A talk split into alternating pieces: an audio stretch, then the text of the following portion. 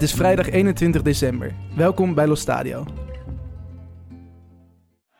Grande Mourinho che salta, che salta con noi José Mourinho. José Mourinho salta e impazzisce il pubblico del Meazza. E questa è la parte opposta del pubblico del Meazza. E ora si alza il coro José Mourinho. Eccolo qua inquadrato. Diventano davvero pazzi i tifosi per quest'uomo. José Mourinho heeft veel vijanden. Walter Mazzari, Arsène Wenger, Gigi Danneri, het Italiaanse Journaille, Carlo Ancelotti, Paul Pogba, Eva Carnero, Claudio Ranieri, Juventini, Rafa Benitez, Iker Casillas, het Jour- Journaille aan zich, Pep Guardiola, Antonio Conte, Sergio Ramos. José Mourinho heeft veel vijanden, maar niet in blauw-zwart Milaan. De Portugese provocateur wordt er nog altijd op handen gedragen. Mourinho is schot in San Siro. Laten we dat zo houden. Vandaar mijn smeekbeden. Keer niet terug naar Inter, José. God begeeft zich niet onder de mensen. Aflevering nummer 10 alweer. Welkom in de studio Wes. Goedemorgen. Welkom in de studio Sander. Goedemorgen. En ook deze week hebben we weer een eh, speciale gast. Helemaal uit België. Michael van Varenberg. Commentator van eh, het Belgische Eleven Sports eh, BE. Welkom in de studio, helemaal eh, in Amsterdam. Dank u, dank u. Ik ben eh, met veel plezier afgezakt naar Amsterdam. Grote eer dat je die oversteek eh, hebt willen maken. Jij doet eigenlijk alle grote wedstrijden hè, in België van de, van de Serie A. Van de Serie A en La Liga doe ik ook regelmatig. En af en toe eens een keer eh, Bundesliga, maar de meeste wedstrijden wel uit Italië. En is dan de, de Serie A jouw favoriet om te becommentariëren? Om te becommentariëren denk ik wel, maar ik denk als ik echt moet kiezen dat ik Spanje net iets eh, meer favoriseer dan, eh, dan Italië. Maar ik heb nu vier jaar aan een stuk elk weekend één à twee wedstrijden uit de Italiaanse competitie gedaan. En eh, ik ben er zo wat ingerold en ik ben er eigenlijk ook een stiekem een beetje op verliefd geworden. Wel. En hoe ben je op die positie terechtgekomen? Er was gewoon niemand anders. Toen heb jij je opgeofferd om al die Nee, Italiaanse het werd, mij, wedstrijden het werd te mij voorgesteld en op dat moment waren er al heel wat Belgen actief in de Italiaanse eerste klasse. En ik vond het wel een leuke uitdaging. En het was op dat moment ook al niet meer het catenaccio van vroeger. Je voelde al dat er een soort van positieve evolutie doorgevoerd werd. En eigenlijk is dat alleen maar verder en verder gegaan. Dus. Zeker met de komst van Cristiano Ronaldo is dat natuurlijk dit seizoen weer, eh, weer iets meer geweest. Voor jou ook een beetje La Liga natuurlijk in eh, de Serie A met, eh, met de komst van Ronaldo. Ja, ja, er zijn nog eh, andere goede Spanjaarden in de Italiaanse eerste klasse. Ja, dus, nee. Fabian Ruiz van, Ja. van Napoli is een heel goede aanwist. Nou, vertel eens, hoe, eh, hoe ziet dat medialandschap in België eruit? Bij ons is het eh, in die zin eh, redelijk overzichtelijk dat, eh, dat, dat Fox de Bundesliga heeft en Eredivisie. En dat bijvoorbeeld Ziggo heeft de rechten van de Serie A. Hoe is dat in België? Heb je een uurtje? Nee, ik heb wel even. Nee, het is, het is redelijk ingewikkeld. Dus Eleven Sports heeft een gigantisch rechtenpakket. Italië, Engeland, de bekercompetities in Engeland, Duitsland, Spanje. Maar ze geven ook af en toe wat matchen af aan eh, de twee grotere spelers. En dat is Play Sports en Proximus. Dus eh, vooral aan Play Sports, die krijgen dan eh, af en toe eens de topper in de Bundesliga, die je dan ook wel op Eleven Sports kan zien. Eh, jaren aan een stuk was eigenlijk Italië alleen maar te volgen op Eleven Sports. Dat had ik dat geluk weer al, dat ik, Mhm. ja, je moest naar mij luisteren. Ehm, en het Belgisch voetbal zit dan bij Play Sports en Proximus.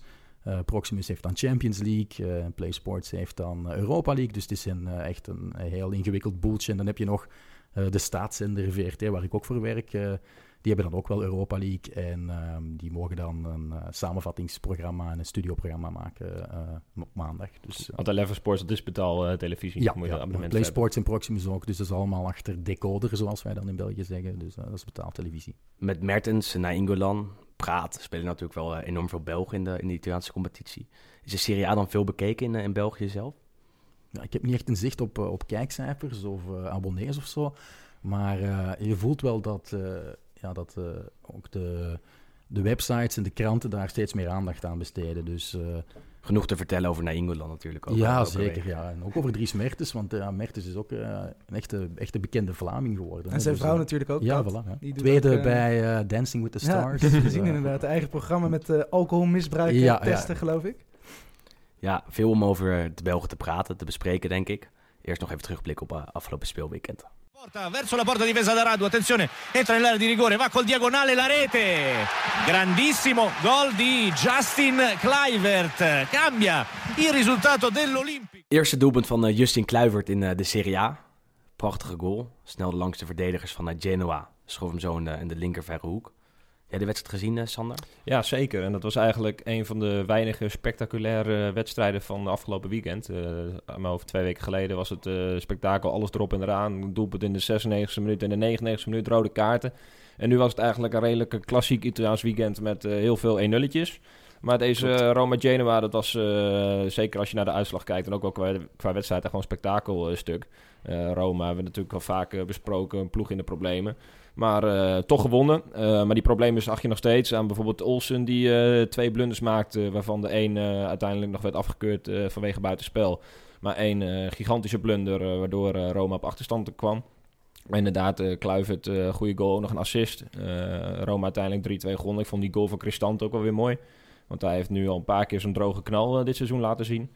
Nou, dan kan je weer afvragen, had Milan die je nou echt moeten laten gaan. maar uh, nee, er zijn... Uh, uh, was, was, was een spectaculaire wedstrijd. En eigenlijk had Roma niet eens uh, verdiend om te winnen. Misschien wel qua spelbeeld. Alleen in de laatste minuut was nog uh, ja, het moment van de wedstrijd. Ja, uh, Florenzi duwt met twee handen gewoon in, in de rug van Pandev. En ja, ik denk nou is... Ja, als de scheidsrechter niet in één keer ziet... Wat ik sowieso redelijk opmerkelijk vond. Want dit was wel zo overduidelijk twee handen. Ja. Maar dan zal de VAR wel ingrijpen. Alleen die VAR greep niet in. En daar won Roma met 3-2. De scheidsrechter ging niet eens naar het beeldscherm om te kijken. Nee, dat was, heel, was echt heel merkwaardig. En de, de VAR-scheidsrechter was uh, Kivi. Nou, dat is een scheidsrechter die echt heel weinig uh, wedstrijden in de Serie A zelf heeft gefloten. Vind ik dat bizar dat iemand bij zo'n wedstrijd achter het scherm mag zitten om zo'n beslissing te maken. Florentie duwt Pandev. En als dat niet was gebeurd, dan had Pandev hem zo vrij voor het inkoppen. Was nog 3-3 geweest in de 95e minuut. Scheidsrechter floot niet. Genoa boos. Uh, voorzitter Preziosi voor de camera uh, spreekt van een, uh, een, nou, een valse, valse competitie, zeg maar. Een, een, een, dat vals wordt gespeeld door de grote teams. Nou, dat er niet anders dit... kon dan dat, dat het Roma moest winnen. Dit was bij uitstek een VAR-moment, in ieder geval om, om te kijken. En ja, dan is het volgens mij gewoon 100% strafschop. 100%. Echt ja. belachelijk, echt belachelijk. Bij Torino-Juventus was er ook wat discussie over de VAR. Er werd uiteindelijk 0-1 voor Juventus, penalty van Cristiano Ronaldo. Maar Torino-spits Simone Zaza was in het strafschopgebied, werd neergetrokken. En ook bij een kopbal, kopbal van, ik meen, Belotti kreeg hij een duwtje, waardoor er geen penalty werd gegeven. Ja. ja, ja. En ook daar was de voorzitter weer boos, coach weer boos. Ja, de wedstrijd gezien, uh, Michael? Ik heb uh, de samenvatting gezien, die twee uh, discutabele momenten, oh. kort na elkaar. die tegen Zaza was toch ook redelijk duidelijk. Nog niet van de...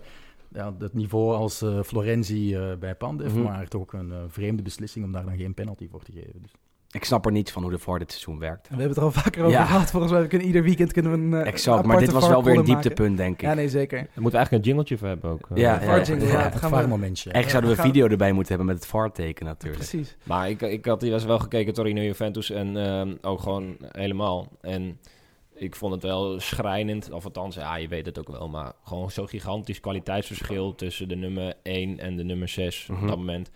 Uh, Torino heeft eigenlijk geen echte 100% kans gehad. Maar Juventus ook niet. Nee, Juventus ook nee, Juventus niet. Alleen de, ook totaal niet goed ik, ik had het ook opgeschreven, want eigenlijk was het typische 0-0 wedstrijd. Alleen Juventus wint altijd die 0-0 wedstrijden. Mm -hmm. En dat is natuurlijk wel hun kracht. Uh, uiteindelijk krijgen ze uh, nu dan een strafschop die ze, die ze benutten. maar uiteindelijk hadden ze wel die goal gemaakt. Daar ben ik wel van overtuigd. Want uh, Mandzukic kopte er nog in. Het was wel uh, terecht uh, buitenspel. Maar uiteindelijk maken ze die goal toch wel. Dat was een foutje van Zaza. Ja, ik vond Zaza sowieso wel de hoofdrolspeler van die wedstrijd trouwens. Want die begon echt, uh, ja goed, natuurlijk tegen Juventus, tegen zijn oude club. Schop. Heeft toen uh, inderdaad tegen Napoli uh, ooit de titel bezorgd ongeveer. En ze begon eigenlijk vanaf de eerste minuut, vloog hij overal in met twee benen. Dus het, het verbaast me dat hij überhaupt nog op het veld stond. Hij deed niets goed. Hij heeft nee, echt niks elke goed. actie nee. verkeerd gedaan. Verkeerd gespaast, overal verkeerd gespeeld, te hard verkeerd ingegaan, kreeg een gele kaart in de eerste helft. Ik had verwacht dat inderdaad gewoon gelijk bij rust dat hij gewisseld zou worden. Schopt op alles wat bewoog. Ja. ja. En toen inderdaad, ja goed, die penalty, dat penalty moment. Terugspeelbal uh, inderdaad richting zijn keeper. Die ook al was ingevallen omdat uh, Sirigu uitviel. Nou, die haalde dus Mandzukic neer, penalty. Die Chazo was Het was echt... Uh, het was niet zijn avond, laten we het daarop houden. Spits die wel opviel, in positieve zin, vond ik, aan Torino kant, was Andrea Bellotti. Die sleurde, paaste. Het was echt de, de, het aanspeelpunt in de aanval daar, denk ik. Heb jij uh, hem twee seizoenen geleden gezien, uh, Michael? Dat hij nog veel scoorde. Dat was gewoon een hele andere spits, denk ik. Ja, de curve is een beetje aan het dalen, Mhm. eh, maar eh, ja, hij weegt wel op een, eh, op een verdediging. Ik bedoel, ik vond toen ook terecht dat hij eh, bij de Italiaanse nationale ploeg ook zijn wedstrijden kreeg. En eh, Torino was toen ook een... Had eh, onder Ventura niet altijd het mooiste voetbal, maar daarna dan eh, met, ja, met eh, die Joegoslavische coach, kan er niet op komen. Mihailovic, Mihailovic, ja, ja, ja, ja. ging het echt wel iets beter. En, en Bellotti is, is, ja, het is een spits die eigenlijk gemaakt is voor het Mourinho-voetbal. Werd daarom ook lang genoemd bij Manchester United. Maar eh, ja, hij schiet ze niet meer zo makkelijk binnen dit seizoen. Dus eh, Enorm harde werker, wel belangrijk voor het team, denk Ja, ik. ik vind het wel echt een heerlijke spits. Gewoon omdat eh, hij scoort nu wat minder, maar hij werkt echt zo gigantisch hard. En ook als, als je die rug van die gozer ziet, die is zo gigantisch breed. dat is niet normaal. Dus Echte aanvoerder. Ja, zeker. Hij gaat altijd voorop in de strijd. eh, zeker voor een club als Torino is perfect. eh, en ik denk dat er nog wel meer in zit. Alleen heeft die, scoort hij laatste tijd wel moeilijk. Maar hoeveel zou je voor hem neerleggen op dit moment? Geen 120 miljoen zoals eh, Nee, twee nee, seizoenen nee. geleden, denk ik. Nee, ik denk dat ze daarmee wel een foutje hebben gemaakt. Die 120 miljoen gaan ze voorlopig niet meer krijgen. Nee, maar eh, die, hij is toch zeker wel een miljoen of 50 waard. Maar wat voor club zou dan zijn volgende Nou ja, ideale stap zijn? ja abs- absolute top in Engeland kan die volgens mij toch nog. Maar neemt niet aan. eh, voor mij is Belotti echt een spits die, net zoals Immobile, als die buiten Italië komt, dan bakt hij er helemaal niks meer Ja. van. Dit, dit zijn voor mij van die jongens die gewoon altijd in Italië moeten blijven. En dan, ja, wat is de volgende stap? Hij, Hij is Milanista. ja, dat zou mooi zijn, Ja, vind ik. zeker. Ruilen voor Higuain? Ja, ja. Meteen doen. Nee, maar er zijn ook allemaal van die foto's op social media en zo, dat hij met, eh, met eh, de helden van vroeger op de foto Makkelijk staat. Scoren dat- eh, altijd? Tuurlijk, dat, dat is heel makkelijk. Maar het zou wel mooi zijn. sowieso. Andere wedstrijd was de Cagliari-Napoli. Die heb jij be- becommentarieerd. Hetzelfde erg, eh, hetzelfde erg kleur, hè? Ja, ik heb er niet veel uit onthouden buiten eh, het doelpunt eigenlijk. Dus eh, Ja, prachtig doelpunt van uh, Arik Milik. Laatste minuut, vrije trap. Ja, wist je dat Zat hij het dat kon? Ik weet niet, bij Ajax heeft hij het niet heel vaak gedaan. Ik denk misschien één keer dat hij heeft gescoord uit de vrije trap. Dat die ik me kan herinneren. Maar hij heeft er nu in- inderdaad in de Serie A sinds zijn komst heeft hij er twee genomen en nu eentje raak. Dus 50% eh, kan Ronaldo niet zeggen in ieder geval. De vraag is eigenlijk of hij nu echt de topspits is die Napoli nodig heeft. Hij komt er wel lekker in. Scoort eh, één keer per 101 minuten in de Serie A. Nou, ik probeer een beetje die reacties ook een keer te lezen van de, van de Napolitanen. En zij zijn zo dol enthousiast over Milik. Kijk, wij in Nederland hebben natuurlijk altijd lacherig over gedaan. Oh, nou, een club betaalt 32 miljoen voor hem. Maar eigenlijk voor Napoli begrippen, ja, is het eigenlijk wel een kopie gebleken. Want zij zijn dus, behalve op die kruisbandblessure na, zij zijn dus hartstikke tevreden. Want hij leeft altijd. Eh, hij scoort ook echt, eh, voor mij als puur naar de gemiddelde kijkt, de doelpunten per minuut, doet hij het hartstikke goed. Mhm.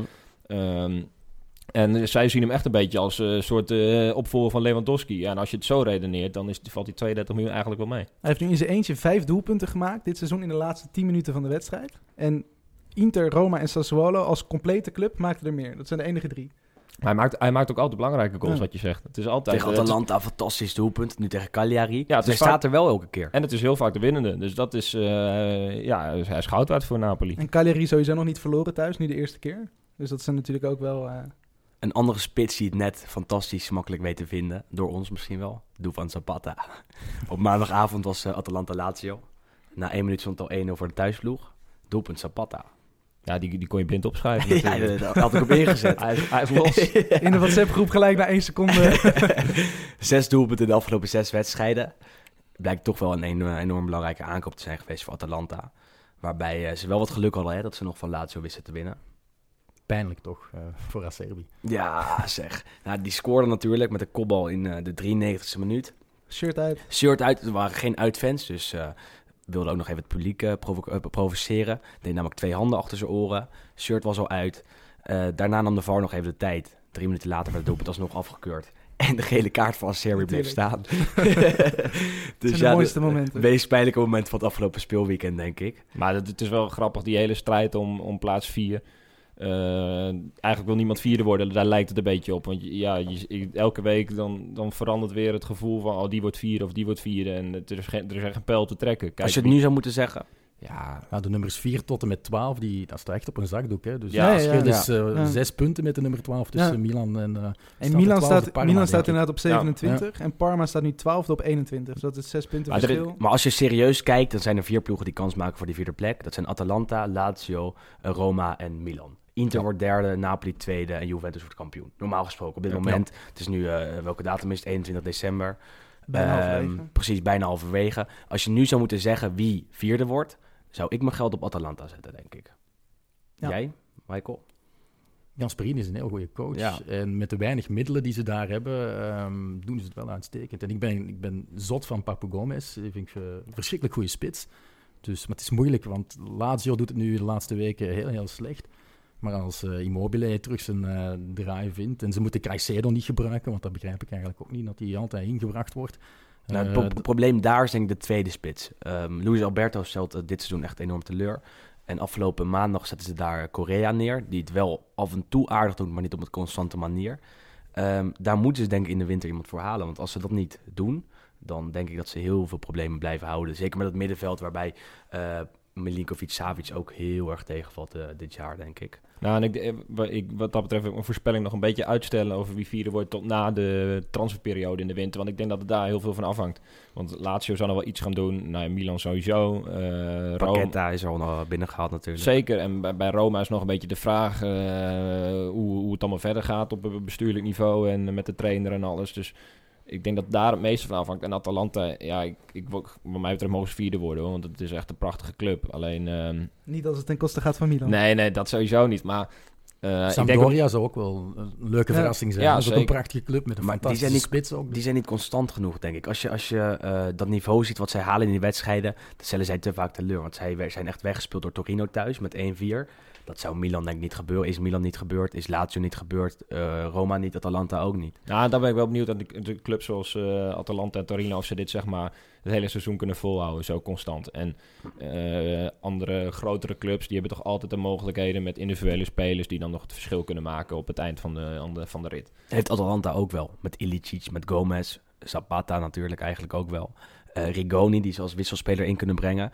Ik denk dat ze meer mogelijkheden hebben in de aanval dan, dan Milan zelfs. En misschien zelfs dan Lazio op dit moment. Niet dan Roma. Ehm, maar daar stellen alle buitenspelers op dit moment teleur. En, en, en daar we Chic die er niets van bakt. En misschien Ja. wel een transfer gaat maken. Ja, misschien ga je dan ook iets, tenminste in mijn geval, iets te makkelijk af op naam, weet je wel. En, eh, als, je, als je beschikt bij, bij Milan wel over een Higuain en bij, eh bij Lazio over een Immobile. Ik denk toch uiteindelijk dat die het verschil zullen maken. Eh Zapata is nu hartstikke in vorm, maar het is geen garantie dat dat het je vierde plek oplevert. En trouwens, toevallig, ik zag net nog op, eh, op Twitter dat een Italiaanse journalist die heeft eh, net de wereld ingegooid dat de Milan rond is met Milinkovic Savic, 70 miljoen. Voor de winter al. Ja, voor de winter, om in januari te halen. Ja, d- het ik dacht stond dat al, Milan financiële problemen had. Ja, ja, het schijnt dat, zij, eh, ja, dat, dat het al bijna rond is. Hij stond al eh, op de voorpagina's afgelopen week dat er uitverkoop was bij Lazio. En dat Milinkovic tegenviel dit seizoen. En dat hij zou mogen vertrekken voor een eh, bedrag van 70 miljoen in plaats van 120 miljoen. Nou, dat is een, Dus ja, ja, Lotito heeft natuurlijk afgelopen eh, zomer de poot stijf gehouden. Eh, door, hem, door hem niet te, te verkopen voor 120 of misschien wel nog hij beter niet 160 kunnen miljoen. Ja, en als je hem dan nu vervolgens voor... Ze ja, 7 miljoen is ook een mooi bedrag hoor. Maar als je hem nu uiteindelijk... eh, dan leid je toch even 80, eh, 80 90 miljoen verlies. het zou een perfecte aankoop zijn voor Milan. Als hij de vorm van vorig seizoen weer terug, eh, terughaalt. Ja, dit dit, dit, seizoen- jaar is het echt, echt drie keer niks. Hij hobbelde mee tegen Atalanta. Hij Ja, deed niet. Misschien zat het ook wel in het kopje. Hè. Ik denk Moet dat hij ook blijven tegen, tegen zijn zin en dat hij nu dan toch die transfer heeft en dat kan hem helemaal loskrijgen. Dus, eh, Het zou wel een leuke transfer zijn, trouwens. Zeker. Dus, Sowieso. En eh, misschien is hij wat dat betreft ook, ja, wat, wat je zegt, ook wat toe aan, aan die volgende stap. Eh, waarschijnlijk wilde hij hem inderdaad afgelopen zomer eigenlijk al maken. Misschien heeft hij dat ook wel nodig om zelf weer eh, die, nieuwe motivatie te vinden. Is dan Milan de juiste bestemming? Nou, het is, eh, het is zeker niet de veiligste keuze. Nee. Genoeg over afgelopen speelweekend. Genoeg over uh, Milinkovic Savic. We gaan naar België.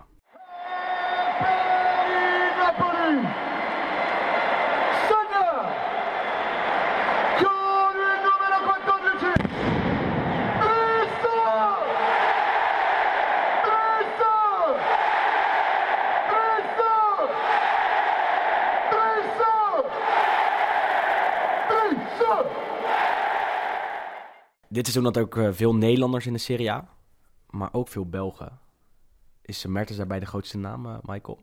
Samen met uh, Raja Nangolan, denk ik wel, ja. Twee verhalen op zich natuurlijk. Laten we beginnen bij Mertens. Wel echt een publiekslieveling in, eh, in, in Napels, bij Napoli. Ja, hij voelt zich ook eh, helemaal thuis in Napels. Ik denk ook dat hij daar misschien wel gewoon heel zijn carrière moet blijven. Hij is daar dolgelukkig, wordt er op handen gedragen. Competitie ligt hem, zeker sinds Sarri hem omgeturnd heeft tot een, een echte goede spits. Dus waarom vertrekken op zijn leeftijd ook? Hij is al een dertiger, een nieuwe uitdaging aangaan, misschien weer op de bank zitten. En hij zit wel vaker op de bank dit seizoen, maar je voelt toch ook dat Ancelotti er volop in gelooft, in Mertens als spits. Dus ik denk dat hij wel gewoon blijft. En dan kan hij binnenkort Cavani voorbij steken, dan Maradona voorbij steken. Wie weet ooit nog Hamsik voorbij steken. Ja, qua doelpunten doet hij het inderdaad heel goed de afgelopen paar jaar. Prachtig huis ook daar over de uitzicht op de Amalfi-kust, geloof ik. Iedereen jaloers op natuurlijk. Ja. Had je verwacht dat hij zich uh, zo zou ontwikkelen na zijn transfer van PSV naar, naar Napoli? Ja, moeilijk. Ik heb het eigenlijk nooit echt voor drie smertes gehad. Vooral niet bij de Rode Duivels. Want uh, die, die, werd uh, toen ook al op handen gedragen, vooral door de Vlamingen. Um, en ik, ik, vond soms Mertens, ja, was een ideale invaller, maar die wilde zelf starten. En in wedstrijden dat hij startte bij de nationale ploeg, vond ik hem altijd tegenvallen. Maar de stappen die hij de voorbije drie seizoenen gezet heeft, zijn, zijn enorm. Hij scoorde ook bij PSV wel meer dan 15 goals op een seizoen. Van op de flank dan. Ja. maar Italië is toch een andere competitie. En uh, wat hij uh, als uh, ja, soort falso nove nu kan brengen, vind ik echt wel fenomenaal. Dat is natuurlijk wel de uitvinding van Sarri geweest. Om hem op die ja, als valse negen neer te zetten. Ja, dat, dat heeft echt perfect uitgepakt. Ja, nu probeert Sarri dat ook met Hazard te doen. Ik denk dat de Rode Duivels daar alleen maar wel bij kunnen varen. Dus, ja, zeker. Ja. Zijn cijfers zijn echt fenomenaal hè, bij, bij Napoli. Sinds dat Sarri hem in de spits heeft gezet. Heel veel scorend. Veel beter dan Milik nog, waar we het net over hadden gehad. Uh, vooral het doelpunt tegen, tegen Lazio van vorig seizoen uh, staat me nog bij. Waarbij de keeper uitkomt en uh, Mertens hem over de keeper heen loopt. Wel maar, echt een van de beste spelers van Napoli op dit moment, denk ik. Ancelotti switcht wel iets meer, heb ik de indruk. Iets meer tussen Mertens en ja. Ik weet niet of dat puur het rotatiesysteem is. Of ik dat denk die... dat Ancelotti gewoon ja. eerder houdt van een struise sterke spits... die ook makkelijk zijn duels in de lucht kan winnen. Maar uh, ja, Milik houdt vasthouden dat hij fit blijft. Want uh, ik denk anders uh, is Mertens wel weer nodig ja. in elke wedstrijd het verschil te maken voor Napoli. Zou Mertens dan weer vanaf links moeten starten, weer af en toe? Of vanaf rechts? Nu Calagon dit seizoen nou, niet in topvorm steekt. Um, en je wel plek in je elftal wil hebben voor Milik en Hij heeft ook al Mertens een paar keer geprobeerd met twee spitsen, dan Insigne en Mertens. Dat is niet echt de beste keuze geweest, toch? Uh, niet echt balvast, hè, denk ik. Ja, het zijn ja, twee jongens technisch die goed, maar technisch heel goed zijn. Maar je hebt toch, als je, misschien is dat een beetje de oude stempel, maar als je met twee spitsen speelt, moet je een snelle rond een grote struizen ja. hebben. En dat is niet het geval natuurlijk als je met Insigne en Mertens speelt. Maar zou Milik en Mertens dan niet samen kunnen? Dat is nog niet veel geprobeerd. Dus, dat is wel denk ik de ideale Zit in allebei hij zou er eens mee moeten starten, ja. want het is al wel voorgevallen dat uh, Mertens mag blijven staan als hem uh, de wedstrijd start. En dan heb je wel op een moment uh, twee spitsen, Milik Mertens. Maar misschien zou hij hier eens inderdaad in een grote wedstrijd ja. tegen Napoli, tegen Inter wil ik zeggen, volgende week eens een keer moeten proberen om daarmee te starten. Waarom niet? China longt wel een aantal maanden, misschien wel langer dan een jaar zelfs. Hoe groot acht je de kans dat hij die stap gaat maken? Er zijn voorbeelden van Belgen die naar China gegaan zijn. Ferreira Carrasco, kan ik ja, Witzel. Wit, Witzel is goed uitgedraaid. Ja. Die speelt nu de pannen van het dak bij Zeker, Borussia ja. Dortmund. Um, en die heeft ook altijd gezegd van kijk, ik, uh, de competitie is echt niet zo min. Uh, en ik ga niet alleen maar om geld te scheppen. Wat een beetje gelogen is natuurlijk. maar uh, effectief heeft hem niet ingeboet aan kwaliteit. Maar Carrasco, die moest daar tegen de degradatie spelen afgelopen seizoen. Ik zie Mertens eerlijk gezegd niet naar China gaan. Ik denk dat hij ook wel goed genoeg zijn boterham verdient in Napels. En uh, om in een uh, smogrijke omgeving te gaan zitten of uh, in een fantastische stad waar ja. de zon altijd schijnt en waar de luchtkwaliteit net iets beter is dan in, in Beijing of zo, mm -hmm. denk ik niet dat hij overstag zal gaan voor, de, voor het Chinese geld. Maar we hebben het vaker gehad over spelers en dan met name Nederlanders, dit, hoe ze zich moeten aanpassen aan Italië en zo. Volgens mij doelde jij er net ook over op waar, waar Metters nu woont. Uh, dat was in die documentaire, volgens mij op de VRT. Geen idee of het een concurrent voor jullie is. Maar nee, nee, nee, het was, uh, was echt een mooie documentaire. Maar toen zag je zeg maar, hoe hij, hoe hij daar leeft. En hij, hij, spreekt al, hij spreekt zelfs Napolitaans. Nou ja, voor de mensen die niet weten, dat is echt een andere taal dan Italiaans. Um, en hij, hij gaat eigenlijk gewoon naar de lokale restaurants. En hij is overal de man. En hij praat, maakt, maakt met die een praatje, met die. Gaat met iedereen op de foto. En soms wordt hij er helemaal gek van. Dat zegt hij ook in die docu. Maar hij zegt, voor die, voor die mensen hier is het zoiets bijzonders om met mij op de foto te gaan. En voor mij is het echt een, iets heel kleins. Dus hij doet het gewoon. En hij is helemaal, op, uh, helemaal opgegaan in die, uh, in die omgeving. Dat, dat is wel echt uh, super knap van hem. En daarom doet hij het ook. Tenminste, dat is een van de redenen, denk ik, dat hij het daar zo goed Mhm. doet. Deelt pizza's uit aan daklozen ook. Af en toe na een wedstrijd. Daar wilde hij geen aandacht voor eigenlijk. Hij heeft een Napolitaanse zwerfhond, geloof ik. Ja. Ja, echt een, echt een goede ooit gast. al eens, uh, Ja. ooit al eens uh, een eerbetoon aangegeven door te scoren. Ja, en precies. Dan, uh, aan de cornervlag. En hij wordt daar co- consequent eh, Chiro genoemd, als ik het eh, goed Ja, heb. ja, dat, ja. is- Enorm goed ingeburgerd daar. ja. En, en, en een Belg die iets meer moeite heeft op dit moment is uh, Radja Nainggolan. Maakte afgelopen zomer de stap van Roma naar, naar Inter. Veel geblesseerd, vaak niet fit, om, uh, om welke reden dan ook. Hoe kijkt men in België nog, naar, nog tegen hem aan? Ja, Raja is natuurlijk, uh, iedereen kent hem ondertussen. Hij is niet de meest professionele naast het veld. Genoeg verhalen over uh, laten uitgaan, uh, roken. Dat is lange tijd ook een topic geweest, omdat onze bondscoach Martinez daar eigenlijk niet echt moest van weten. En dan miste hij het WK.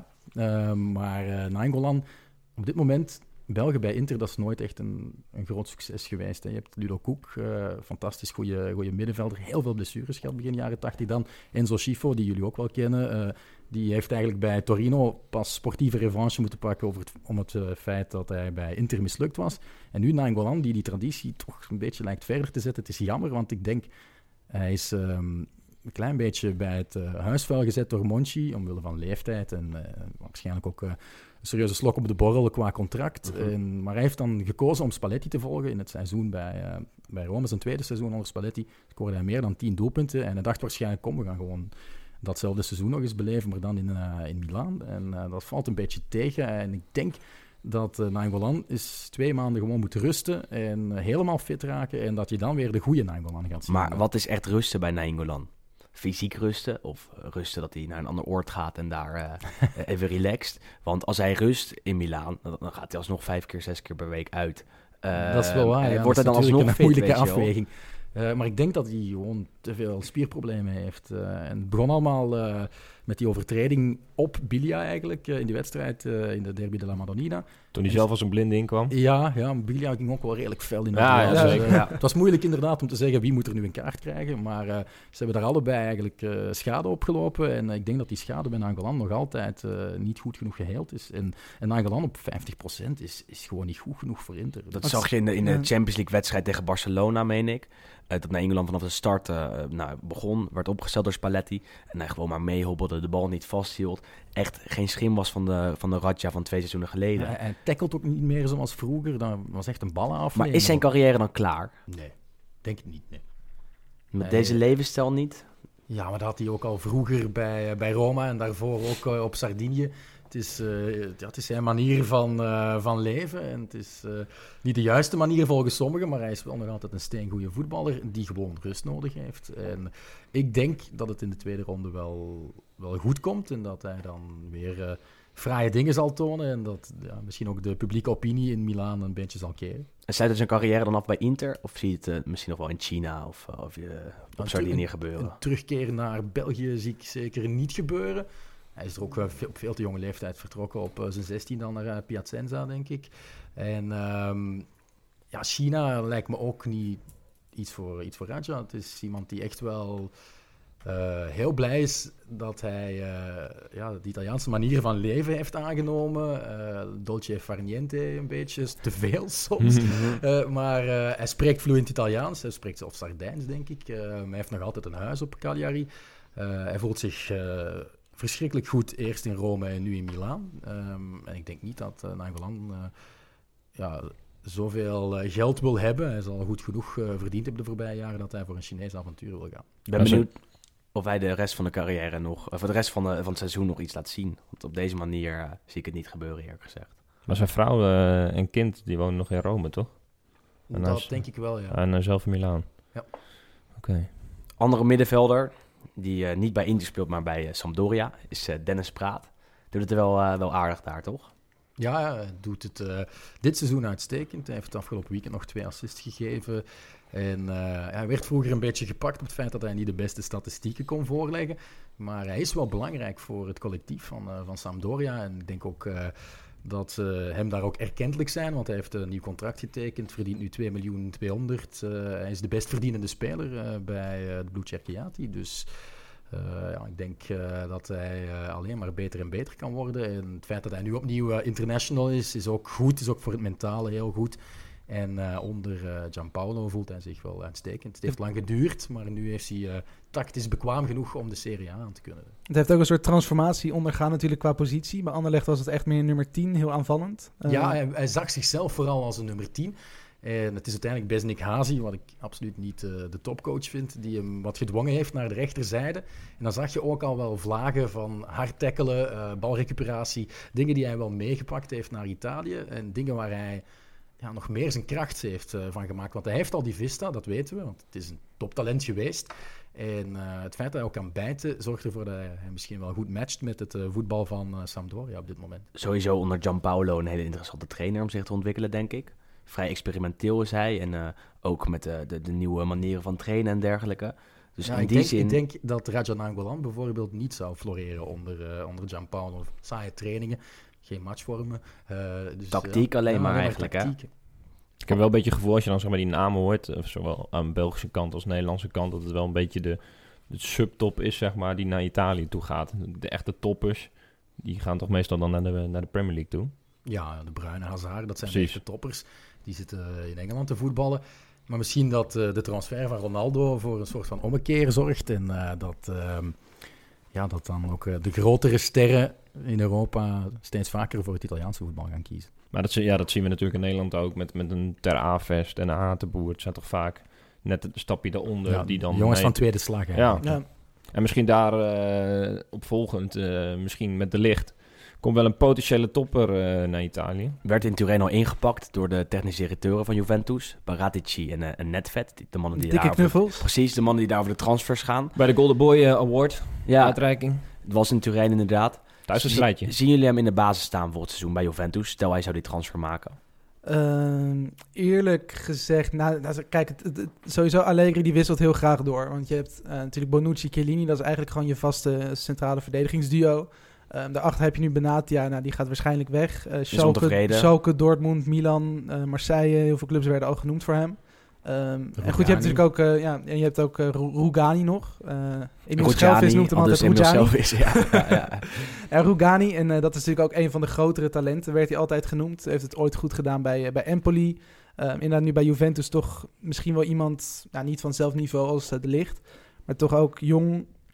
gewoon een fysiek goede centrale verdediger, kan goed voetballen, inkomen, inschuiven. Maar die speelt inderdaad ook vrij weinig. Het is toch inderdaad vooral Chiellini, Bonucci. Eh, maar ik denk inderdaad, mocht Matthijs Ligt echt naar Juventus gaan, ehm, wat ik overigens wel echt een hele goede stap zou vinden voor hem, ehm, denk ik dat hij inderdaad gewoon een beetje zo ja, stuivertje wisselen met Chiellini, Bonucci. Vooral met Bonucci, denk ik. Ja. Chiellini aan de linkerkant van de centrale, het centrale duo in de verdediging. Kan, en, kan en Matthijs in een driemansdefensie? Dat Ja. is nog de vraag. Bij het Dat heeft Nederlands hij elftal nog heeft hij dat een paar keer gedaan Ja, maar niet Met super Virgil van succesvol. Dijk, Stefan de Vrij daarnaast. Ja, maar dat was niet de super succesvolle formule. Daar is eh, Ronald Koeman snel van afgestapt. Hij heeft het sowieso niet veel gespeeld. Nee. Nee. Maar Dus goed, Juventus ja. speelt ook niet heel vaak natuurlijk met, met drie of vijf achterin. Niet meer, Het is toch nee. vooral vier achterin eigenlijk. En dan met inderdaad Alexandro links, die nu zijn contract heeft verlengd. En eh, Cancelo, ook al is hij nu eh, geblesseerd, net geopereerd op, op rechts. Maar het zou dus kunnen dat het over twee, drie jaar gewoon het centrale duo van Juventus Rugani eh, de licht is. Nou, Nou, ik heb eigenlijk al een klein beetje de hoop op Rugani opgegeven. Hm. Eh, die had nu toch misschien al wel wat vaker moeten laten zien. De wedstrijd dat hij speelde was het niet echt overtuigend. Maar in het seizoen dat Bonucci in Milaan zat, speelde hij ook niet Nee, alles. hè? Dus, nee, dan eh, was het inderdaad meer Benatia. Die Ja, inderdaad van Barzagli, achterin zat. maar eh, goed, die is nu eh 7, 38 Ja, die intussen. is klaar. Die is ook, dit wordt zijn laatste seizoen. In die zin heeft Juventus zeker een centrale verdediger Ja. nodig. En, en een naam die dan hoog op het lijstje prijkt is sowieso die van Matthijs het Ligt. Natuurlijk. De vraag is of Juventus 80 miljoen voor hem gaat neerleggen. Ik denk het Maar wel. dat zou voor hem ook perfect zijn, want eh, hij is, hij is eh, een waanzinnig talent. Maar soms zie je nog wel die echt pure verdedigende foutjes soms, hè, eh, incidenteel. Ehm, en dat kan hij natuurlijk in Italië wel eh, leren van. De, ja, Ja. Die, die schoonheidsfouten kunnen eruit. En ehm, eh, die mag je eh, tegen, kijk, tegen Spal thuis kom je daar nog mee weg, weet je wel. En je kan bovendien leren van eh, een Chiellini Bonucci eh, nog, eh, nog eh, één of twee jaar. Eh, je staat op de training tegenover Ronaldo. Ja, en nou ja, in Italië sowieso is verdedigen eh, belangrijk. Een kunst. Ja, i- wat mij betreft zou dat echt de perfecte eh, match kunnen zijn. En hij doet me heel erg denken sowieso aan Jaap Stam.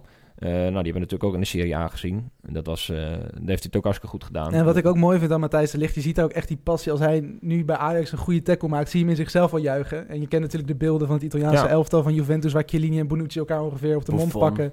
eh, op het moment dat er een keer een, eh, een goede bal wordt, eh, wordt weggeschoten. Nou, volgens mij heb ik ook een keer een interview gelezen, kan het ook hebben verzonnen, maar dat hij zei van, eh, ik, eh, ik eh, kijk eigenlijk liever naar een uh, Chiellini Ja, klopt, dan, ja. dan naar eh, een, een rasvoetballer. Ja, nee, precies, maar hij, hij is ook heel erg bezig met echt dat pure verdedigen. En dat is, eh, dat is wel mooi. De Licht speelt nu natuurlijk nog gewoon bij Ajax. Die werden geloot in de Champions League tegen Real Madrid. Ook nog wat Italiaanse ploegen erin. Even kijken tegen wie zij hebben geloot.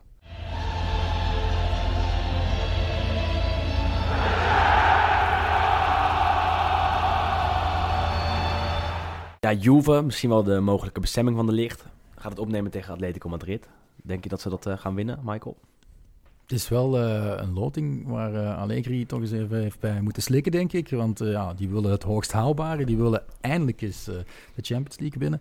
Ik denk dat het achtste op één volgende kampioenschap meteen ingeruild wordt voor eh, die Champions League overwinning. En dan is zo'n achtste finale tegen een eh, ja, Stugge goed ploeg, collectief, ja. een Ja. stugge ploeg met eh, Simeone als eh, ja, toch ook meester-tacticus. Het, is, het zal een mooie strijd zijn, maar het zal ook niet het eh fraaiste voetbal Met opleveren. veel doelpunten gaan we Nee. waarschijnlijk niet zien. Wel enorm twee spannende duels, denk ik Ja. hoor. Aan Ja. elkaar gewaagd. En super interessant ook, want één iemand die zal een beetje uit zijn schuld moeten kruipen. Eh, wat ze eigenlijk allebei niet willen. Dus dat wordt wel interessant, eh, de- denk ik. Ik denk dat Juventus eruit gaat. Dat ze heel teleurstellend eh, gaan verliezen van Atletico Madrid. Want die tegenstand hebben ze in de Serie A nog niet gehad dit jaar. En in de Champions League zijn ze tot nu toe nog niet super sterk geweest, vind ik. Alleen uit bij Manchester United echt heel erg goed gespeeld. Voor de rest wel redelijk wat weggegeven. Want op, in eigen huis tegen Valencia was het ook niet zo ook niet goed. Nee. Eh, dus- Young Boys verloren, Manchester ja, dat United bedoel ik. verloren. Het al is was tot nu toe nog niet een super succesvolle Europese Nee. campagne. En als je dan gelijk tegen Atleti moet, eh, wat echt een hele stugge eh, ploeg is, zoals al gezegd. Verdedigend sterk, die, zich, die wel de kwaliteit hebben om zich te meten aan Juventus. eh, denk ik dat eh, er wel eens een verrassing op de loer kan liggen. Nou, ik snap wel wat je zegt. Alleen ehm, als je het omdraait, Juventus zonder heel goed te spelen, groepswinnaar. Mhm.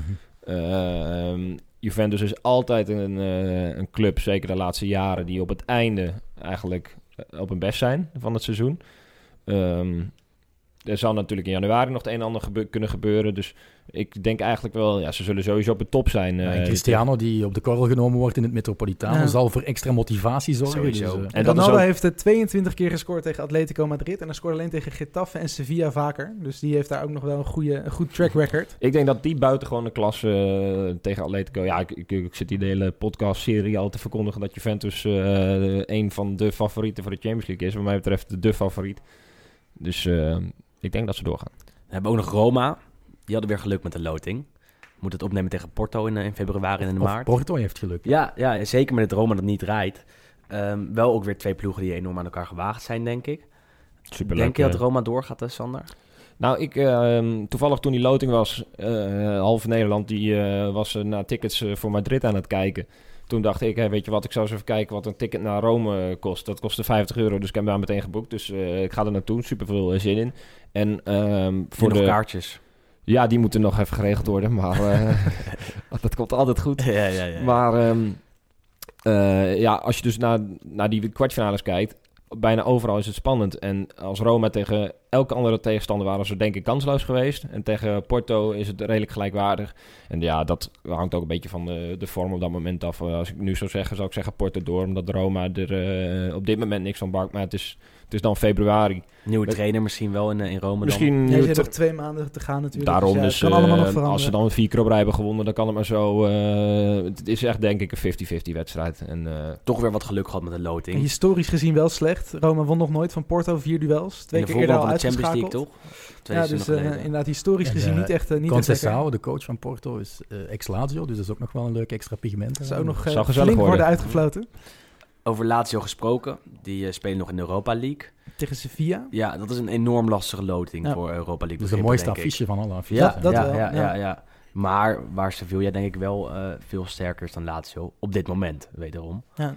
En Sevilla natuurlijk, wat is het? Drie, vier Europa Leagues gewonnen de ja, afgelopen ja, jaren. zeker. Eh, Enorm succesvol in Goede de UEFA. Cup Ja, Europa Ja, League. coach. Ja, nee, zeker. Interessante spelers. Eh, en Lazio, eh, zoals gezegd, draait niet super. Eh, dus op dit moment zou ik niet zeggen dat Lazio eh, kans maakt en, en, en, en Sevilla misschien wel Nee, kan je moet dan ook al hopen dat een Immobile of een uh, Tuku Ja. hun uh, oude werkje even in hak willen zetten en ook extra gemotiveerd zijn. Maar eigenlijk op papier denk je Sevilla, Maki. Precies. Ja, en ook, uh, we hebben de wedstrijden van uh, Milan tegen Betis uh, gezien. Nou, toen had Milan echt over twee wedstrijden niks te vertellen. Echt, uh, toen zag je eigenlijk pas het kwaliteitsverschil tussen, uh, tussen Premiere Division qua voetbal hè, en, en Serie A. Um, en ik verwacht eigenlijk dat dat nu ook wel zo is. Want dat Sevilla heeft een hele goede trainer. Um, en die spelen echt uh, regelmatig de pannen van het dak. Die hebben het tijdje zelfs bovenaan gestaan in La Liga. Dus ik denk dat Lazio kansloos is. Nog twee ploegen in de Europa League. Helaas geen Milan. Oh. Uh, Inter die uh, gaat het opnemen tegen Rapid Wien. dat is waarom, lach, waarom lach je, Willem? ja, Eh, Rapid Wien inderdaad voor jouw clubje. Ja, dat moet wel makkelijk zijn, dat toch? moet lukken. Ik Vorige eh, keer dat, je die, eh, dat jullie die versloegen, wonnen jullie de, de beker. En eh, Rapid Wien verloor afgelopen weekend met 6-1 van eh, stadsgenoot Austria Wien. En nou zie ik geen wedstrijd uit, uit de Oostenrijkse competitie. maar als Austria Wien er met 6-1 van kan winnen, dan moet Inter daar ook wel overheen kunnen lopen. Maar goed, eh, niet echt een wedstrijd waar ik naar uitkijk. Want ja, we waren Het bijna door in de Champions echt, League en het trekt niet. En, verder hebben we nog Napoli tegen FC Zurich, de Zwitsers. Ja, laatste keer dat, dat Napoli tegen de Zwitserse ploeg speelde, scoorde Jonathan de Guzman, onze landgenoot, een hattrick. Dat was tegen de Young Boys in eh, 2014. Eh, maar goed, ja, Napoli gaat hier ook makkelijk overheen, eh, neem ik aan. Nou, dat- veel zal wel van instelling afhangen natuurlijk. Ja, Kijk, als zij gewoon eh, redelijk op oorlogsterkte zijn en er vol voor gaan, dan, eh, dan kan je het zo invullen.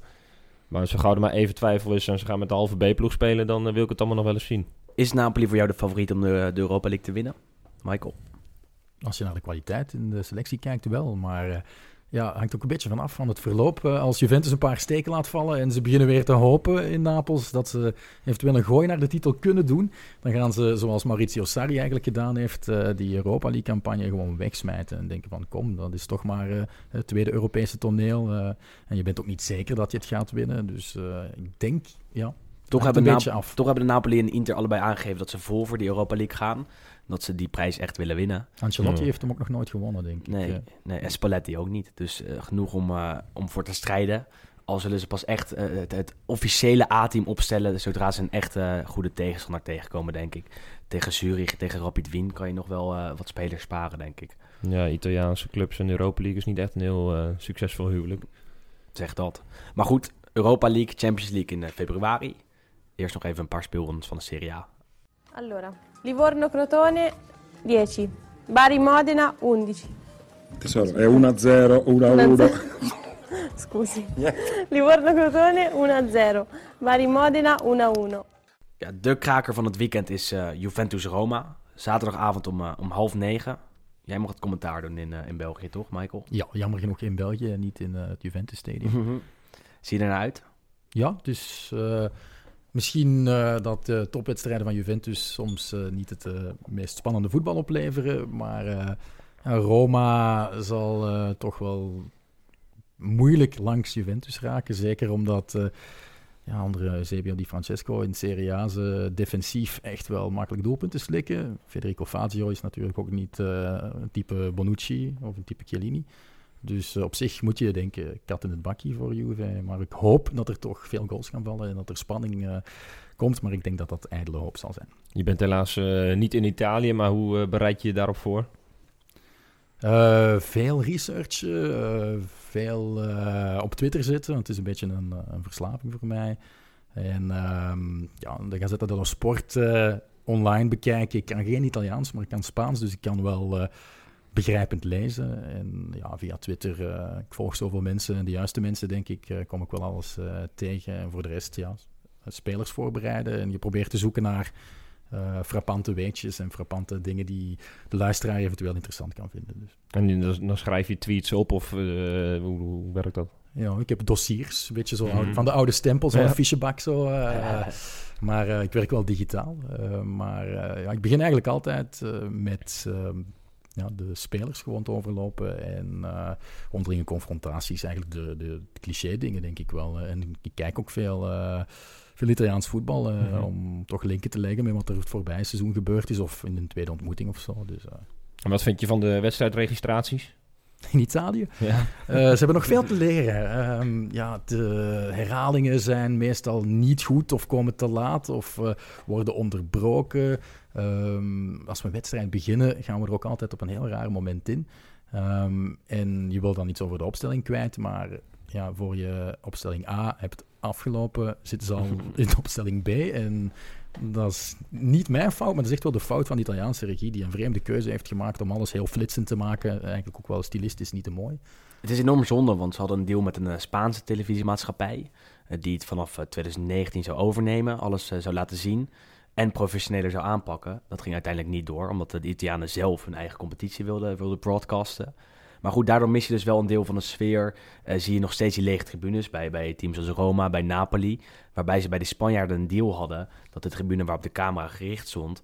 eh, altijd vol moest zijn. Dus als er kaartjes werden verkocht, dat die kaartjes zouden zijn die, eh, die moesten worden verkocht. En in die zin is het wel jammer hoe wij de Serie A nog steeds zien in Nederland en België. Ehm, zonder het gezang van de fans. En, en, en misschien alleen maar in het Juventus Stadium, waar die broadcasting wel in orde is. En waar je wel eh, het geluid van de supporters optimaal hoort. Nou je verkoopt een product. En het product is in dit geval eh, de Serie A. En die eh, probeer je aan het buitenland zo goed mogelijk te verkopen. En je merkt dat daar reacties van vrienden, bekenden... die zeggen altijd, het stadion zit half leeg. En dan kom ik weer aan, ja, het is niet half leeg. Er zitten 40, 50.000 man. Alleen die zie je niet, want die zitten tweede ring.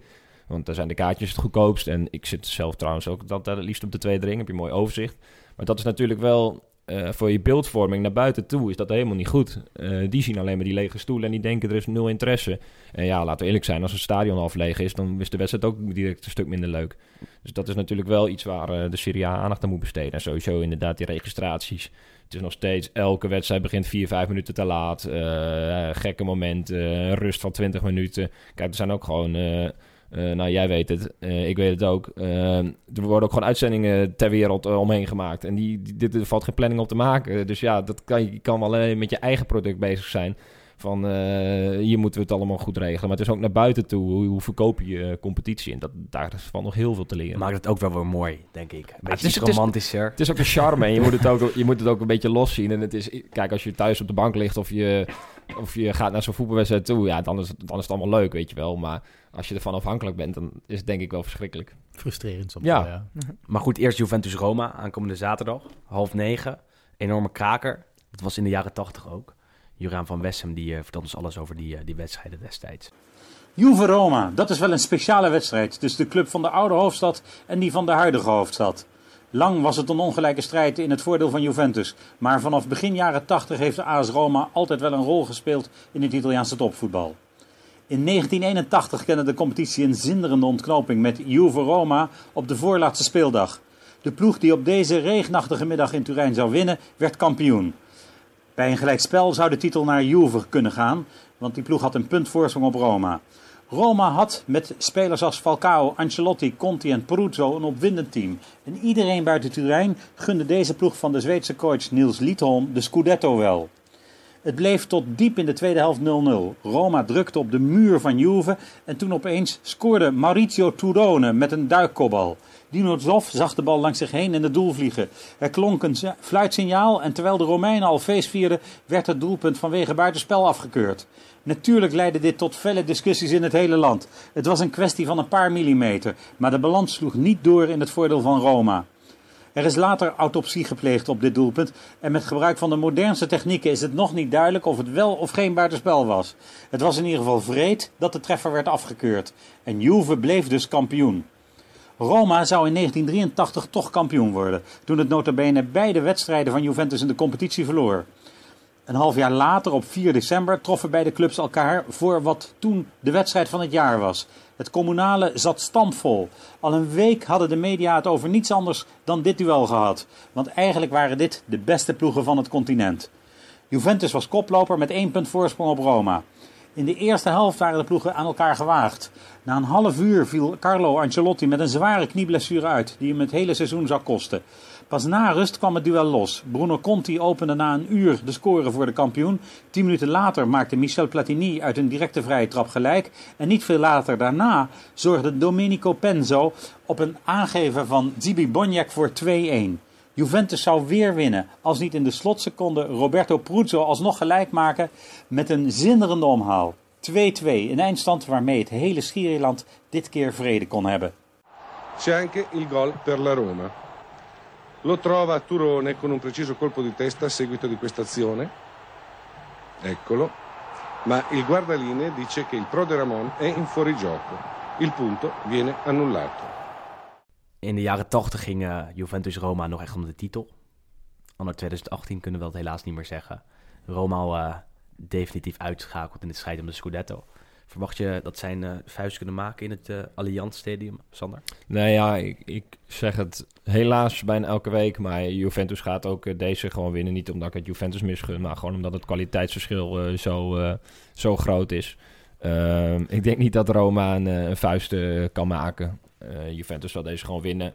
Ehm, puur kijken naar het affiche lijkt het misschien een hele mooie wedstrijd. Maar jij zei het ook al, Michael. eh, het zal niet eh, het op een puntje van je stoel worden. Dit wordt gewoon een eh 1-0, 2-1, zoiets. Nee, dit is een Roma dat geen vuist kan maken. Ik denk dat Roma, eh, als je ze afgelopen zondag zag tegen Genoa, er gewoon eigenlijk nog steeds niets van bakt. Daar met geluk won. Hebben we al eerder een podcast behandeld, denk ik. Ze zijn ook je- zo afhankelijk van Edin Dzeko. Precies, en als je zo die wedstrijd ziet, eh, zonder Zeko, zonder een, een, een enige andere sterspeler, dan is het echt uitgesloten dat zij aankomende zaterdag eh, kunnen stunten in, eh, in Turijn. Denk je niet, eh, Wes? Ja, ik, ik verwacht wel een overwinning inderdaad voor Juventus. Al vind ik die inderdaad ook niet overtuigen. Zeker in de, in de topwedstrijden. Dit, dit seizoen valt er toch, toch wel wat tegen misschien. Ehm, vorige drie duels werden allemaal 1-0. Dus dat zou dan inderdaad mooi passen in, het, eh, in de voorspelling van Sander ook. Dat het inderdaad eh, wel een overwinning wordt voor Juventus, maar niet, eh, niet heel ruim. Ehm, ja, dus ik denk inderdaad wel dat Juventus wint. Maar ja, Het punt is, in een 2000 topwedstrijd zal het inderdaad niet zijn, In ik. 2015 was het Juventus-Roma ongeveer in dezelfde periode van het jaar. En toen was Roma de grootste titelchallenger van Juventus. We gingen naar het Juventus Stadium, kwamen zelfs op 1-2 voor. En het was echt een wedstrijd. Eh, ze waren de grootste kandidaat om Juventus van de troon te stoten, denk ik. Als je het nu in 2018 ziet... Uiteindelijk won Juventus trouwens die wedstrijd gewoon met 3-2, daar niet van. met twee penalties. Maar als je het nu in 2018 kijkt... is het toch vrij bizar hoe Roma dan is afgezakt. Dat zij echt eh, eh, een bizarre selectie hebben staan misschien wel, te jong. En een trainer hebben die niet aan de verwachtingen voldoet. Dan is het toch jammer dat zij niet meer daar bovenaan staan... en niet, niet om plek 2, plek, plek 1 kunnen meedraaien. Ja, nee, dat sowieso. Ik heb op Twitter inderdaad eh, een, ja, een enquête, een voorspelling gedaan voorafgaand aan het seizoen. Eh, met eh, ja, wat, wat iedereen dacht dat de, dat de eindstand zou worden aan het eind van het seizoen. Ehm, toen had volgens mij heel veel mensen hadden Roma op twee of drie. Ik Ehm, ook. Ja, het, het, het is inderdaad nu wel heel erg duidelijk dat dat dus niet het, het geval is. Roma staat nu, even kijken, zevende. Ehm, dus en komt niet eens eh, in de buurt van Napoli en Inter. Nee, en al absoluut helemaal niet. niet van Juventus. Nee, voetballend, eh, voetballend sowieso niet. Qua punten valt het nog mee. Dus ze moeten Eh, gewoon mikken op die plek 4. Ja. Ja, ja, dat is inderdaad echt het maximum. Maar als ze die al halen, dat, eh, dat betwijfel ik nog. En je laat je toch als volger vaak misleiden door al die transfers. Je, weet- je weet vaak niet eens hoe het uitpakt. Zeker niet als je er veel had. Maar Roma die ging op een gegeven moment zes, zeven spelers kwamen erbij. Ook niet voor de minste bedragen. Ja, dan, en met een goede, tenminste qua naam, een hele goede technisch directeur. Eh, een trainer die van aanvallend voetbal eh, houdt. En ook eh, ja, zijn sporen wel je verdient. Bij Sassuolo wel eens. Ja, zeker. Ja. Ja, tuurlijk. Maar wat dat betreft waren die hoge verwachtingen wel, wel terecht. Alleen het is volledig tegengevallen. En een, een grote aankoop als Pastore, die, die valt gewoon zwaar tegen. Terwijl je, tenminste had ik in ieder geval verwacht. Ik denk, die gaat bij Roma echt de panden van het dak spelen. Super, Ja. eh, super mooie speler die juist bij Roma op zijn plek is. Maar eigenlijk de aankopen, die vallen ja, gewoon tegen. En Monchi heeft eigenlijk vooral ingezet natuurlijk op de jeugd. Het werd Ja. natuurlijk ook wel redelijk wat oudere spelers. Vooral op het middenveld. Daniele de Rossi natuurlijk 35. Eh, en nog een, paar, nog een paar oudere. Fatio's 31 bijvoorbeeld. Ondertussen heeft hij wel op het middenveld al zijn ervaring laten gaan. Schootman naar Marseille, naar Engeland, zoals genoemd, naar Inter. Nou ja, dat is toch vrij bizar als je dan nu staat met, met Cristante, Pellegrini... die weliswaar goede voetballers zijn, maar niet de leiding Zaniolo natuurlijk daar. ook pas, eh, Ja. wat is die, 19 jaar? Doet het wel goed, eh, moet ik zeggen. Maar Ja, dit, dit, dit elftal, zeker met jonge gasten, heeft gewoon heel veel tijd nodig. Tijd die je vaak niet krijgt, zeker niet in Italië. Maar de spelers die, je- die jij verkocht, Nangolan en Stroman, dat snap ik op zich wel. Want Monchi Ja, er is heeft geen gewoon- meerwaarde op. En Nee, Monchi is inderdaad iemand die, die, die bekend rekent- geworden is door eh, het feit dat hij zoveel winst gemaakt heeft Ja. voor Sevilla. Dus Ja, maar die, die spelers van dan boven de 30. En als je daar nog, ik weet niet, Nangolan was iets van 30 miljoen? Ja, oké, en Schootman 28. Dus Ja. in die zin is het logisch. Maar dan zou ik er wel een, een, een kwalitatief waardige, constante vervanger voor halen. Nou, en bij natuurlijk- had je het en kunnen met weten, denk ik. is natuurlijk Ja, dat is waar. verwacht dat hij, dat hij beter zou zijn dan dat hij het uiteindelijk doet. Eh, maar goed, ja, het is eh, Vrij teleurstellend. vrij teleurstellend. Maar goed, Juventus-Roma is dus geen wedstrijd waar we super naar uitkijken, kan ik wel zeggen, denk ik. Een wedstrijd die wel eh, de potentie heeft van een prachtig affiche is denk ik eh, Milan-Fiorentina.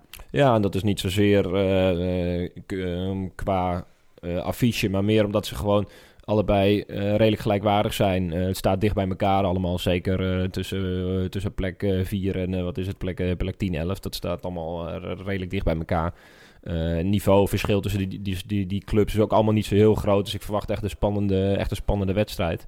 Ehm, Milan zonder twee middenvelders. Kessie, Bakayoko, allebei geschorst na gele kaart tegen Bologna. Bakayoko zelfs met rood natuurlijk, Ja, oh ja, tuurlijk. Ja, twee keer geel. Ehm, nou ja, ik ben er nog niet helemaal over uit of dat nou een zegen is. Hoe Of, wordt dat opgevuld? Wie gaan er eh, wel starten? Nou ja, er was even de vraag, eh, is dan Montolivo er weer bij? Eh, die is natuurlijk een beetje verbanden door eh, Gattuso. eh, doet eigenlijk nooit meer een beroep op hem, terwijl hij eerder gewoon baasspeler was onder de vorige trainers. Het is ook een belangrijke wedstrijd voor hem tegen zijn ex-club, waar hij ja. kapitein geweest is. Dus, Nou ja, en toen hij bij Fiorentina was, toen waren er nog zeer hoge verwachtingen van, eh, van Montolivo. Ehm, ja, waarschijnlijk eh, gaat hij niet spelen. Er zijn het Mauri en eh, Bertolacci die, eh, die wel gaan spelen. Ehm, nou, dus dat zegt één ding dat Montolivo volledig is afgeschreven. Die hoeft zich nooit meer te melden. Ehm, en ja, Bertolacci en Mauri, dat is nou niet echt waar ik voor ga Mauri ben jij geen fan van, hè? Absoluut geen fan van. Dinsdag tegen Bologna, laatste, laatste kwartier viel hij in. Ehm, juist als, eh, als extra balans, omdat Bakayoko er vanaf eh, was gestuurd. Maar hij kan gewoon niet meer lopen. Dat is echt, hij heeft gewoon nul, nul ritme. Hij werd door iedereen aan alle kanten voorbij gelopen. Ik denk als ik ga, ga sprinten dat ik sneller ben. En ik ben zeker niet de snelste. nee, die, Mauri, dat is... Dat is Topsnelheid van 8 km per uur. ja, het was echt, eh echt Mauri, erbarmelijk. Mauri Bertolacci is een duo dat je eerder bij Empoli verwacht Ja, dan, eh, bij Milan. Nou ja, we hebben, het, we, hebben- we hebben het er vorige week ook over gehad. De- de- alles valt, er staat gewoon met het niveau van de spelers. En als jij een middenveld hebt met Bertolacci, Mauri en je hebt een centraal duo, weliswaar noodgedwongen, maar met Zapata en Abate, Abate, ja. dat is wel de weerspiegeling van dit Milan. Dan ben je niet Champions League waardig, denk Nee, ik. en eh, ik zou, ik, ja, het is wel moeilijk om een voorspelling te doen voor die wedstrijd tegen Fiorentina, maar ehm, de kans dat Fiorentina wint, acht ik nog groter dan dat Milan wint. Ik, ik denk zelf eigenlijk een gelijkspel met, met veel, eh, met veel goals, een 2-2 of zo. Ooit was Mounir Aromnaoui nog trefzeker in, eh, in deze wedstrijd. Volgens mij won Fiorentina toen ook. is wel een, eh, een mooi verhaal nog aan vastgeplakt, denk ik. Maar goed, we hebben ook een unicum aankomende week. Er wordt namelijk gespeeld op eh, Boxing Day, aankomende woensdag. Twee prachtige wedstrijden. Om eh, drie uur s middags al met Atalanta-Juventus. Wel een potentiële valkuil voor de Bianconeri. Denk het wel, ja. Als er één ploeg is die altijd van eigen kracht uitgaat en die eh duels tegen de toppers eh, gewoon het eigen spel wil opleggen, is het toch het Atalanta van eh, Gasperini. Tegen Inter hebben ze al uitge- uitgepakt, 4-1 gewonnen. Dat was een wervelstorm. De eerste drie kwartier, 60 minuten. Nou, hadden ze denk ik 7, 8 keer moeten scoren. Toen maakte Inter nog gelijk. Uiteindelijk werd het 4-1. Maar hoe Atalanta die wedstrijd heeft aangepakt is echt, echt gigantisch goed. Met Gasperini als, als topcoach. En ik denk dat Gasperini ook in staat is om het Juventus nou ja, en Allegri heel erg Lastig te maken, Ja, inderdaad. ja. Ja, Mocht, ja, kijk, als Juventus inderdaad nog punten gaat verspelen in 2018, dan gaat het wel tegen Atalanta gebeuren, denk ik. Lijkt me ook niet tegen Rome aankomende Nee. zaterdag. Met een goal van Zapata. Ja, ja, ja. Maar Boxing Day kennen we natuurlijk allemaal uit Engeland. eh, eh, wat echt een, een dag op zich is. Eh, winkels, in de, alles in de uitverkoop. echt een cultuurding. Ik ben heel benieuwd hoe dat in Italië is. Waar eh, ze zeer gehecht zijn aan familie en aan, eh, aan kerst. eh, En de kerk. en de kerk. Dus ik ben heel benieuwd eh, hoe, hoe, hoe vol de stadions zullen zitten. Het is een extreem vol programma. We beginnen om half één al en we gaan tot half negen door. Dus, eh, ja, dat wordt eh, bij de, de schoonfamilie. Met, Is een- met de Serie A passen en heel veel powerbanks, denk ik. Om dat er een beetje doorheen te krijgen. En de, de Serie A-trainer spraken vandaag een kerstwens uit, toch? In eh, de Gazzetta. Ja, de Gazzetta dello Sport, de top 11. eh, die werden allemaal gevraagd wat ze het liefst zouden willen hebben voor, eh, voor kerst. Ehm nou, Allegri van Juventus die, eh, die wilde met zeven punten voorsprong het nieuwe jaar ingaan. Eh, Milan die wilde Higuain aan de praat krijgen. Lazio wilde dat Milinkovic-Savic weer ging voetballen. Ehm, dus dat zijn een beetje de, eh, de wensen van de, van de trainers. Een trainer die zijn kerstwens al op de social media heeft uitgesproken was Inter-manager Luciano Spalletti. Die eh, aan de campagne meedeed. dat, dat, was, dat was genieten, toch? Ja, ik ben echt groot fan van die campagne. Ik vind het echt een van de, een van de beste. Inter present. Inter presents, inter present. Dat was ongeveer de, ja, de crux. Ehm, ja, het is inderdaad het Intermedia House, het, eh, de hele social media afdeling achter Inter. Ehm, die, hebben, die maken iedere dag een paar filmpjes. Eh gooi die online inderdaad op Twitter met inderdaad speciale presents van de spelers. Dus we zagen inderdaad uh, Rajani Nainggolan die zijn, zijn baard af, ja, dat, die, die zichzelf eh, schoor met een, eh, met, dat was een, Een zo'n- ninja zo'n ster. Ja, ja, ja, ja. Ehm, Balde Keita die, eh, die komkommers sneed met Ja. een of andere superscherp mes. Borja Bor- Valero. Als professor. Die had een professor en die had allerlei epistels geschreven over, de, over het verleden van Diego Milito onder andere. En inderdaad, ja, Luciano Spalletti als de topacteur. Ehm, mocht hij inderdaad niet eh, renderen meer als coach over een paar jaar, kan hij zo nog eh, Hollywood in, denk ik. Want eh, fantastische mimiek, laten we het daarop houden. Grootste kerstwens van Luciano Spalletti is denk ik winst op Napoli aankomende woensdag. Half negen. Jij doet de commentaar toch, Michael? Normaal gezien wel, ja. De planning is nog niet helemaal bevestigd, maar eh, ik heb wel aangegeven dat ik kan. Dus ik ga ervan uit dat mijn tweede kerstdag dus eh Inter tegen Napels is. Niet bij de schoonfamilie. Uh, nee, we vieren dat op uh, kerstavond en uh, bij mijn familie op kerstdag. Dus Wel safe. potentiële hele mooie wedstrijd, denk ik, Inter-Napoli. Waarbij Napoli natuurlijk super mooi voetbal laat zien. Inter in het eigen huis vrij sterk is. In de topwedstrijden echt het hele publiek achter zich heeft staan. En wat jij net zei, San Siro zou uitverkocht zijn. Dus 70.000 man aanwezig voor deze wedstrijd. Is wel topadviesje van deze, topadviesje van deze Boxing Day gelijk. Uh, sowieso zijn er nog wel meer uh, mooie wedstrijden. Want Wesley, ik zag het volgens mij net bij jou. Je hebt uh, Fiorentina Parma, wat ook weer echt twee clubs die redelijk aan elkaar gewaagd zijn. Roma Sassuolo, nou, daar zou ik ook zo, zo voor gaan zitten. Dus ik denk dat ik toch nog wel moet schuiven in die, in die planning. maar nee, maar Roma Sassuolo met die Francesco tegen zijn oude club. En Sassuolo ben ik sowieso fan van met de nieuwe trainer. Of met de nieuwe trainer, met de huidige trainer. De Serbi, die echt prachtig voetbal laat zien. Uh, dus er zijn echt een paar uh, hele leuke wedstrijden op uh, tweede kerstdag. En Frosinone tegen AC Milan. Nou, dit de kan hele vroege wedstrijd. Dit, Frosinone, nieuwe coach. Dit kan wel de tweede kerstdag maken of breken. Want dit is echt zo'n wedstrijdje van... ja, nee, hier ga ik niks over zeggen. Zo reinig aan het kerstdiner dan. ja, maar dit... Milan kan er alleen maar verliezen. En uh, iedereen die verwacht... Nou, Frosinone is echt wel heel, heel matig. Ja, maar Bologna is ook heel, heel matig. Ja. En, en dat was Benevento vorig jaar ook. Dus dat uh, uh, is wel een potentiële valko. Milan tegen kleintjes is zeker geen zekerheid. Doe de lunch. Doe de lunch. Nee, ik ga hier niks over zeggen. hey Michael, dankjewel voor je komst. Helemaal uit België. Was echt leuk dat je, dat je wilde aanschuiven. Zeker weten. plezier. Sander en Wes, ook weer dank. Yes. En luisteraars, ook jullie weer bedankt. Fijne feestdagen alvast. Zeker, zeker. Vrolijk kerstfeest allemaal. Pallone ancora per Carlito Steves che è pronto al traversone, eccolo che arriva insidioso, Yang Ambiwa. Poi al volo! Leonardo! Bonucci! 3 a 2! Golasso di Bonucci! Golasso al 41! Eh sì, qui ci vuole grande tecnica, bravura, coraggio, tutto messo dentro in questa conclusione Bonucci. Prima ci aveva provato a Samoa e adesso è arrivato Bonucci a scaricare questo gol in porta, trovando il gol del 3-2 per la Juventus, un gran gol.